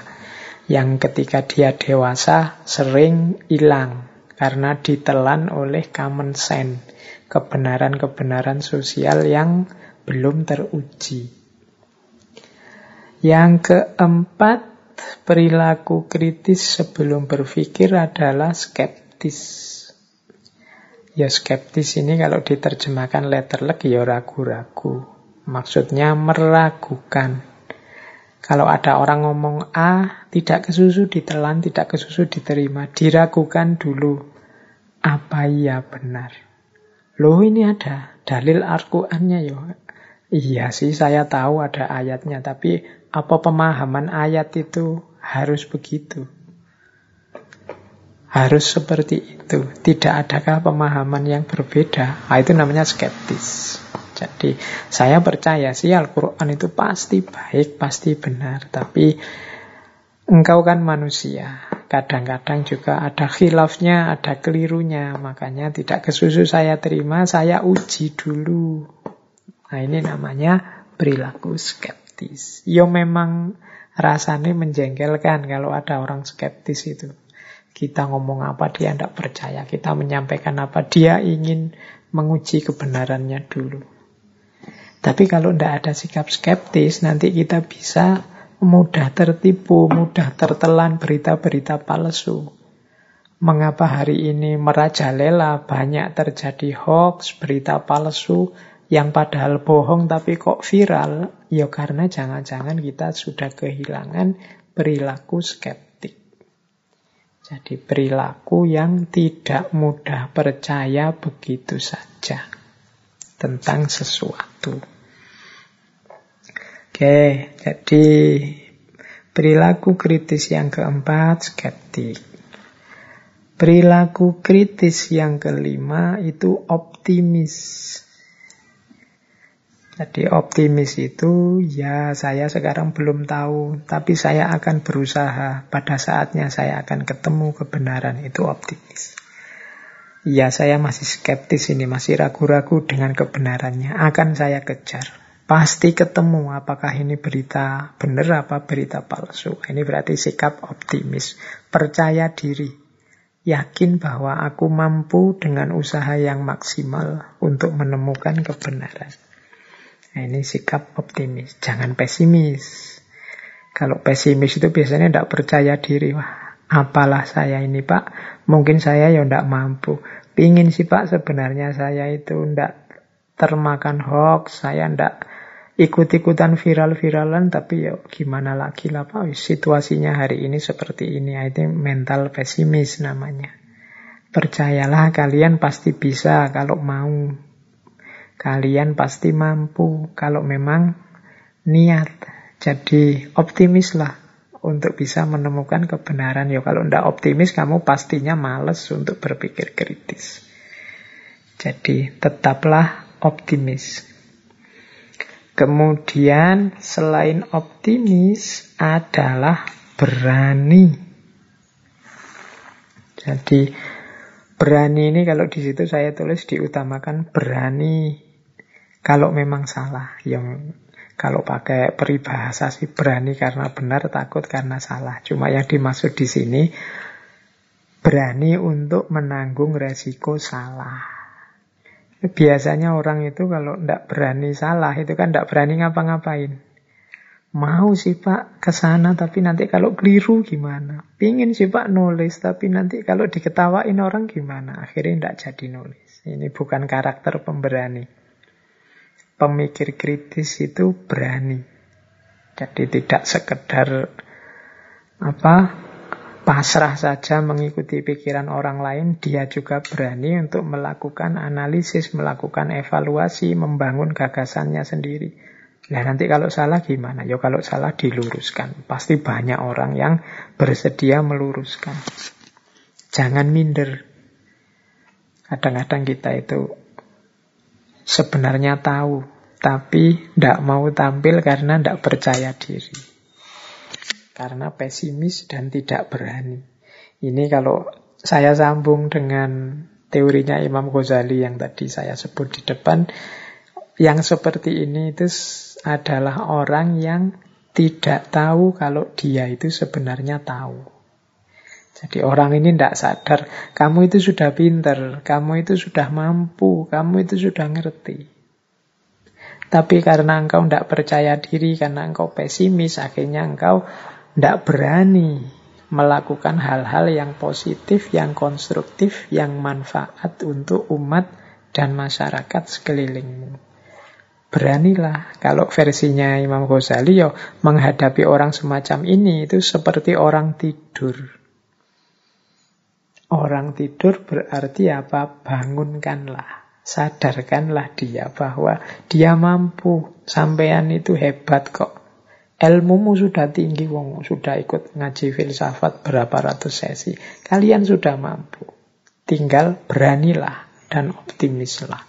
Nah ini perilaku berpikir yang tergolong kritis. Dan yang terakhir, kalau ini pastinya ya, sabar dan tangguh. Jadi tekun, telaten, Ya memang kadang dalam proses berpikir yang kritis itu ada jatuh bangunnya. Jadi ada kalanya kita berhasil menemukan kebenaran, ada kalanya tidak ketemu-ketemu sampai kita capek, sampai dipending, sampai wah. Tapi kita tetap harus sabar dan tangguh. Sebagaimana saya sebut tadi, kebenaran ini fitrah. Fitrah kita adalah hidup dalam kebenaran kita tidak akan betah hidup dalam kesalahan. Maka kita harus sabar dan tekun mengejar kebenaran. Oke, jadi itu perilaku-perilaku kritis yang harus kita hidupkan sebelum berpikir. Selanjutnya,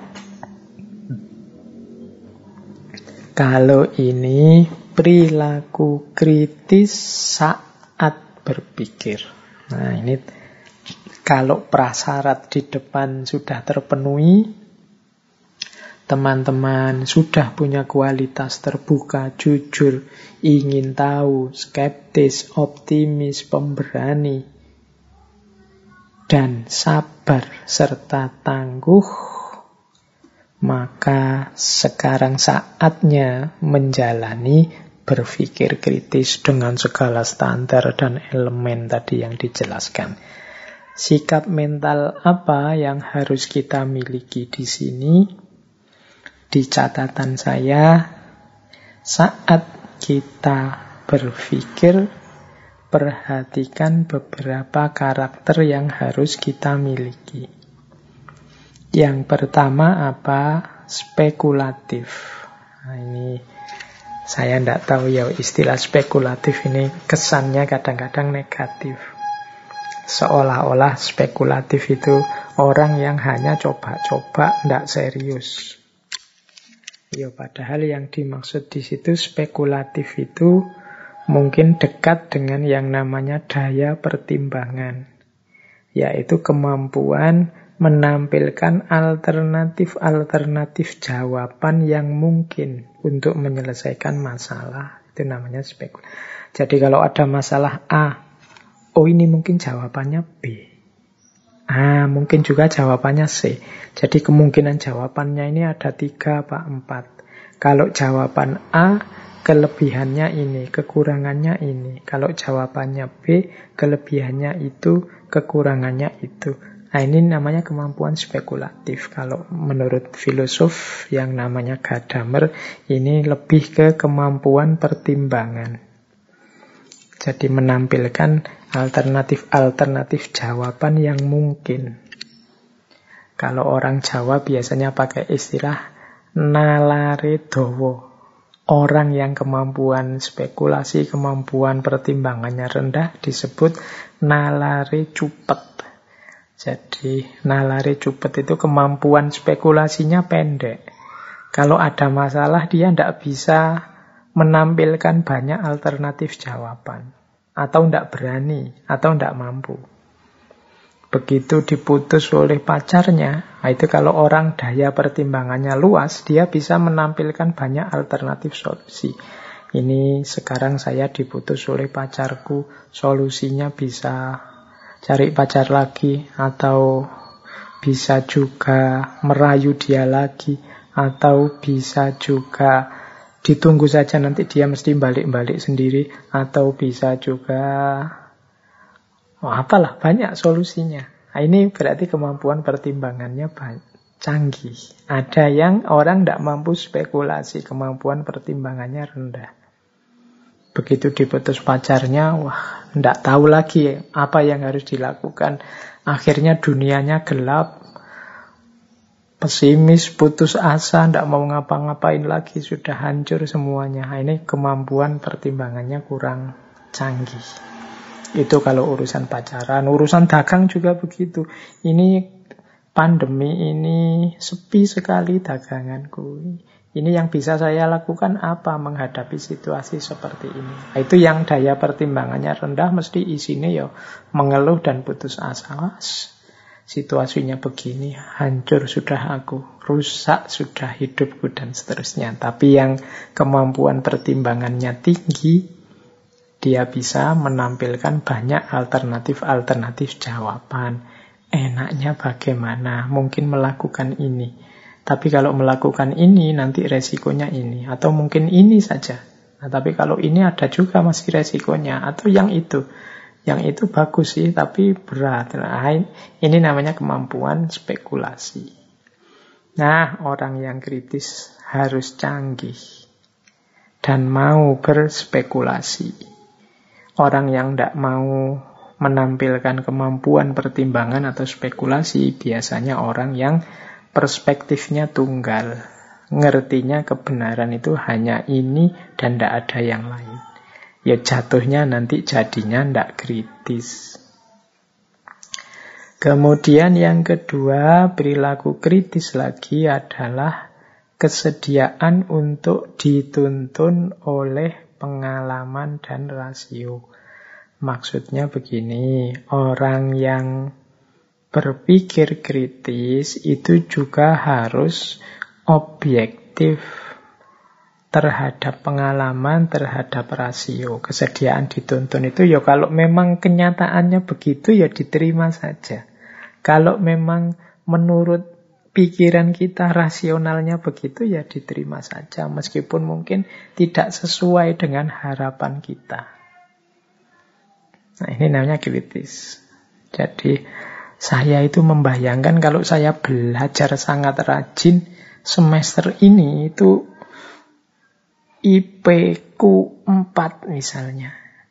Eh, tapi kenyataannya IP-nya malah di bawah 3 misalnya. Nah, itu ya kenyataan, diterima saja. Berarti kenyataan bunyinya begitu.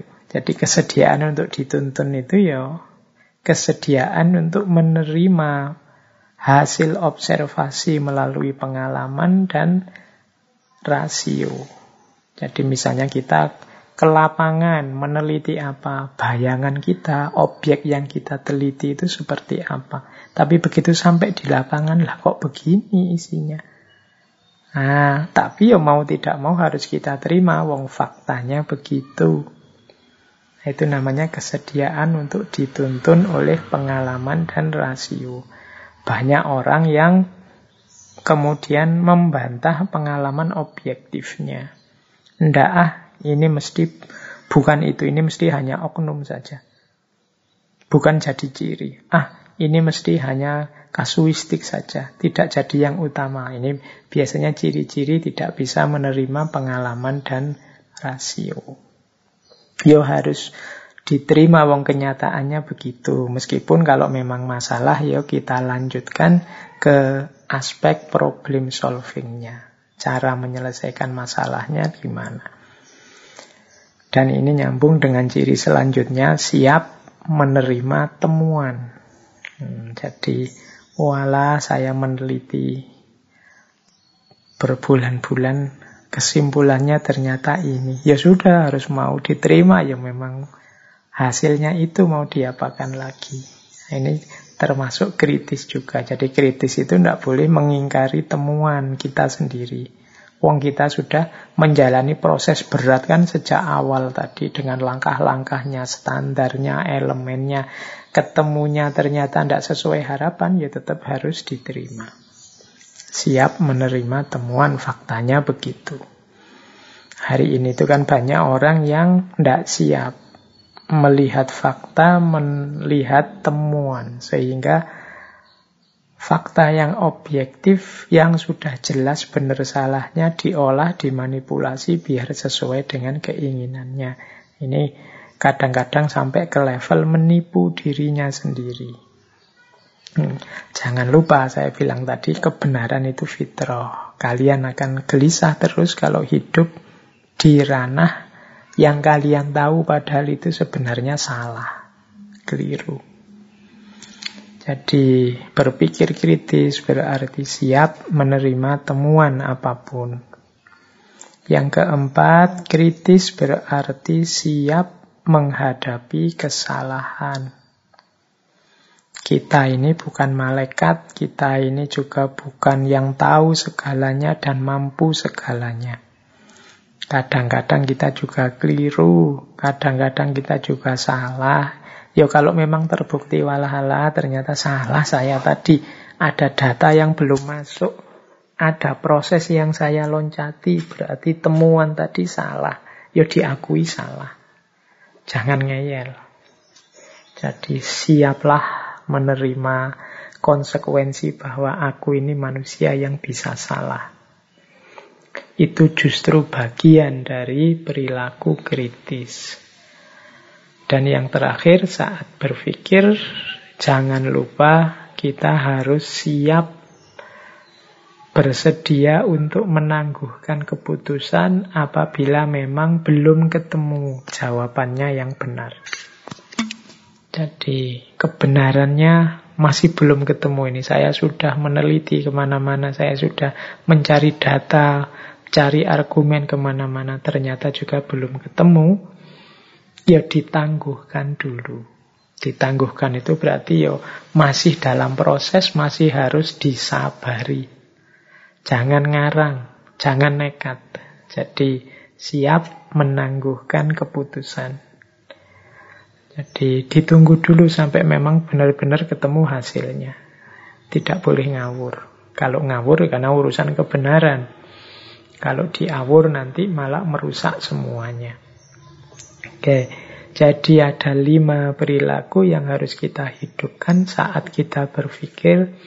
Yang pertama spekulatif, yang kedua siap dituntun oleh pengalaman dan rasio, yang ketiga siap menerima temuan, yang keempat siap menghadapi kesalahan, dan yang kelima siap menangguhkan keputusan. Yang terakhir, saat kita selesai, sudah menemukan kebenaran, ada dua perilaku yang harus kita hidupkan. Yang pertama adalah toleran, dan yang kedua adalah tentativity. Toleran itu berarti kesadaran bahwa sangat mungkin orang lain menemukan kebenaran yang tidak sama dengan yang saat ini aku temukan. Dan tetap aku hargai temuannya, hasil jeripayahnya. Itu namanya toleran. Jadi menurutku kebenaran yang cocok itu ini dan dia mungkin saja punya kesimpulan yang berbeda dengan aku tapi tetap aku menghargainya. Meskipun aku tetap yakin yang benar ya kebenaranku. Ini namanya toleran. Jadi orang yang tidak mampu toleran itu nanti biasanya yang dikembangkan perilaku konflik. Jadi toleransi ini mempertimbangkan situasi yang beragam, kondisi yang tidak sama, pemahaman yang berbeda antar manusia. Yang kedua, tentatif. Tentatif itu kesadaran bahwa yang aku temukan sebagai kebenaran saat ini itu ya sesuai batas-batasku. Dan juga pastinya tidak terlepas dari kekurangan-kekuranganku. Maka kebenaran yang aku temukan saat ini itu ya bukan sesuatu yang mutlak. Saya yakini hari ini yang benar ini, tapi kalau besok ada fakta baru, data baru, argumen baru, dalil baru yang lebih kuat, ya saya ikut yang lebih benar dengan argumen yang lebih kuat. Nah, ini namanya tentativity. Jadi tidak memutlakkan pandangannya sendiri. Nanti ada tokoh kajian Islam kontemporer namanya Muhammad Arkun yang mengkritik gaya beragama manusia hari ini itu banyak yang kehilangan kesadaran tentatif. Sehingga akhirnya mereka menyembah pikirannya sendiri atau mensakralkan pikirannya sendiri. Kalau dalam bahasa Arab ini menggunakan istilah takdisul afkar, sakralisasi pemikiran. Karena dia tidak siap untuk berubah.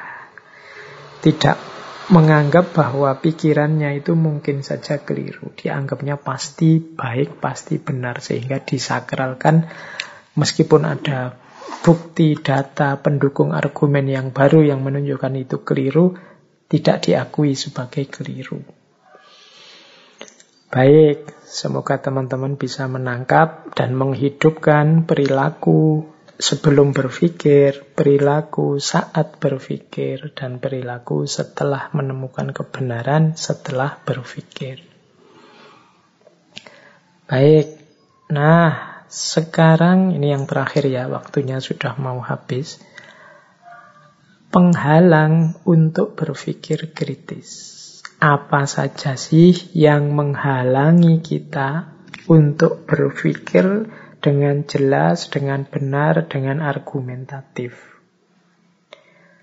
Yang pertama, penghalang berpikir itu adalah egosentrisme. Egosentrisme itu thinking self as center of attention atau self-centered thinking. Jadi egosentrisme itu keakuan. Pokoknya kebenaran itu ya aku. Yang aku anggap benar, pasti itu benar. Yang aku anggap salah, pasti itu salah. Nah, ini namanya egosentrisme atau self-centered thinking. Tidak iso dikalahkan. Merasa dia sendiri yang paling benar. Ini kalau orang punya kualitas egosentris biasanya susah untuk berpikir kritis. Yang kedua, penghalangnya lagi adalah sosiosentrisme. Ini mungkin lanjutannya egosentrisme. Kalau tadi kan menganggap dirinya sendiri sebagai pusatnya kebenaran, kalau ini sosiosentrisme ini menganggap kelompoknya sendiri sebagai yang lebih superior, sebagai yang lebih benar. Nah, ini namanya sosiosentrisme. Ya sama-sama berlawanan dengan prinsip berpikir yang kritis. Jadi kalau tadi dirinya sendiri sebagai pusat kebenaran, kalau ini kelompoknya, lembaganya, organisasinya sebagai yang superior pasti benar. Ini jadi penghalang untuk kita berpikir kritis. Yang ketiga, unwarranted assumption. Asumsi yang tidak diuji. Jadi kita mengasumsikan sesuatu tapi tanpa dasar. Pokoknya Indonesia hari ini itu adalah negara yang mau hancur. Nah, terus kita membaca Indonesia dengan perspektif mau hancur ini sebagai asumsinya. Tapi ketika ditanya orang, dasarnya apa kok Indonesia ini dianggap mau hancur? Ya pokoknya rasanya begitu saja, dia pasti mau hancur. Nah, ini namanya asumsi yang tidak diuji. Tidak ada argumennya, tidak ada buktinya. Nah, ini juga menghalangi berpikir kritis. Kalau asumsinya sudah tidak teruji kebenarannya, ya hasil pikirannya kemungkinan juga tidak bisa dipertanggungjawabkan. Wong tidak ada dasarnya asumsinya tadi. Itu yang ketiga, unwarranted assumption. Yang keempat, wishful thinking. Nah, wishful thinking ini mungkin mudahnya ya kita definisikan sebagai sejenis angan-angan. Jadi bukan hasil pemikiran yang serius, angan-angan tentang sesuatu yang tanpa dasar, tapi kita ingin kita percaya bahwa ini benar. Atau kalau di situ saya tulis, believing something is true because one wishes it to be true. Hanya karena aku ingin ini yang benar, maka inilah pasti yang benar. Itu namanya wishful thinking. Dalam bentuk kasar itu mungkin seperti sakar PDW. Pokoknya ini harus benar. Pokoknya ini yang benar. Ini wishful thinking. Padahal itu tidak ada dasarnya. Hanya karena aku percaya bahwa ini yang benar, terus kita ingin inilah yang pasti benar. Itu namanya wishful thinking. Kadang diterjemahkan yo angan-angan, khayalan. Ini juga menghalangi cara berpikir kritis. Kemudian ada juga relativisme. Relativisme itu pandangan serba relatif. Jadi kalau ada apa-apa, misalnya orang menyatakan kebenaran, apa pun dia akan menanggapi Allah itu kan hanya pendapat. Allah itu kan hanya pandangan. Jadi tidak akan sampai pada titik kebenaran. Jadi bahwa kita ini tidak sempurna, kadang-kadang yang kita anggap benar itu ternyata tidak benar, itu manusiawi. Tapi kita tidak bisa mengambil standpoint relativism total. Relativism itu ya kayak tadi, menganggap Allah itu hanya opini, Allah itu hanya opini. Akhirnya kita tidak tidak bisa mengambil keputusan, tidak bisa memutuskan dengan dasar apa kita bertindak. Padahal kita hidup ini butuh kepastian-kepastian kebenaran tertentu. Dulu orang yakin bahwa bumi itu datar. Itu kan kemudian belakangan terbukti keyakinan itu tidak valid. Ya itu memang opini. Tapi zaman itu dengan keyakinan itulah orang berkreasi, orang berpikir, menghasilkan banyak teori. Jadi meskipun ternyata sandarannya tidak valid. Tapi dia sudah punya sandaran untuk bertindak, untuk berpikir.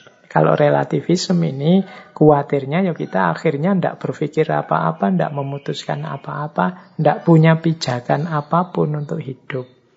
Semuanya dipandang tidak mesti. Kalau ada apa-apa, ah itu hanya pendapat saja, ah itu pandanganmu. Nah, akhirnya kita tidak punya pegangan. Hidup tidak bisa kita dengan dasar tidak ada pegangan sama sekali. Oke, ini hambatan-hambatan yang mungkin menghalangi kita untuk berpikir secara kritis.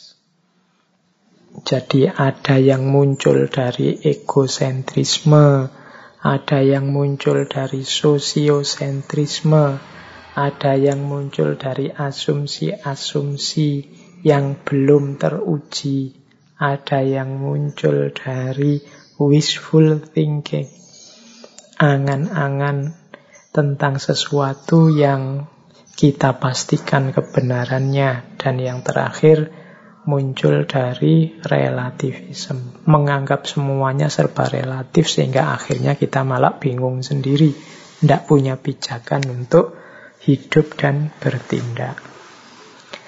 Baik, teman-teman, saya kira itu ya. Malam hari ini saya tadi bilang ini hanya sebenarnya hanya pinggir-pinggirnya saja, kerangka-kerangkanya saja dari berpikir kritis. Yo isinya sebenarnya ya logika itu. Berpikir kritis itu modal utamanya ya logika, berpikir yang benar. Ya, nanti mungkin di lain kesempatan kita kaji lebih dalam lagi tentang berpikir kritis ini karena inti hakikat filsafat itu kan ada di berpikir yang benar. Filsafat sebagai proses kuncinya adalah kemampuan seseorang berpikir yang benar. Maka harusnya yang minat dengan filsafat itu juga semangat untuk belajar cara berpikir yang benar. Termasuk logika, mantek, atau teknik berpikir kritis. Seperti yang malam hari ini kita bahas. Baik, saya kira itu teman-teman sesi kita untuk malam hari ini. Kita masih ada satu sesi lagi di bulan ini, minggu depan tanggal 30 menjelang akhir tahun. Kebetulan tema yang akan kita angkat tema tentang muhasabah atau introspeksi diri. Ini juga sejenis berpikir, tapi berpikir ke dalam. Semoga tema minggu depan nyambung dengan momennya, momen mengakhiri tahun 2020 menuju tahun 2021. Semoga kita masih dikaruniai kesehatan untuk bertemu di Rabu depan di tema introspeksi diri. Dari saya sekian untuk malam hari ini. Kurang lebihnya mohon maaf. Wallahul muwafiq. Wallahu a'lam bisawab. Wassalamualaikum warahmatullahi wabarakatuh.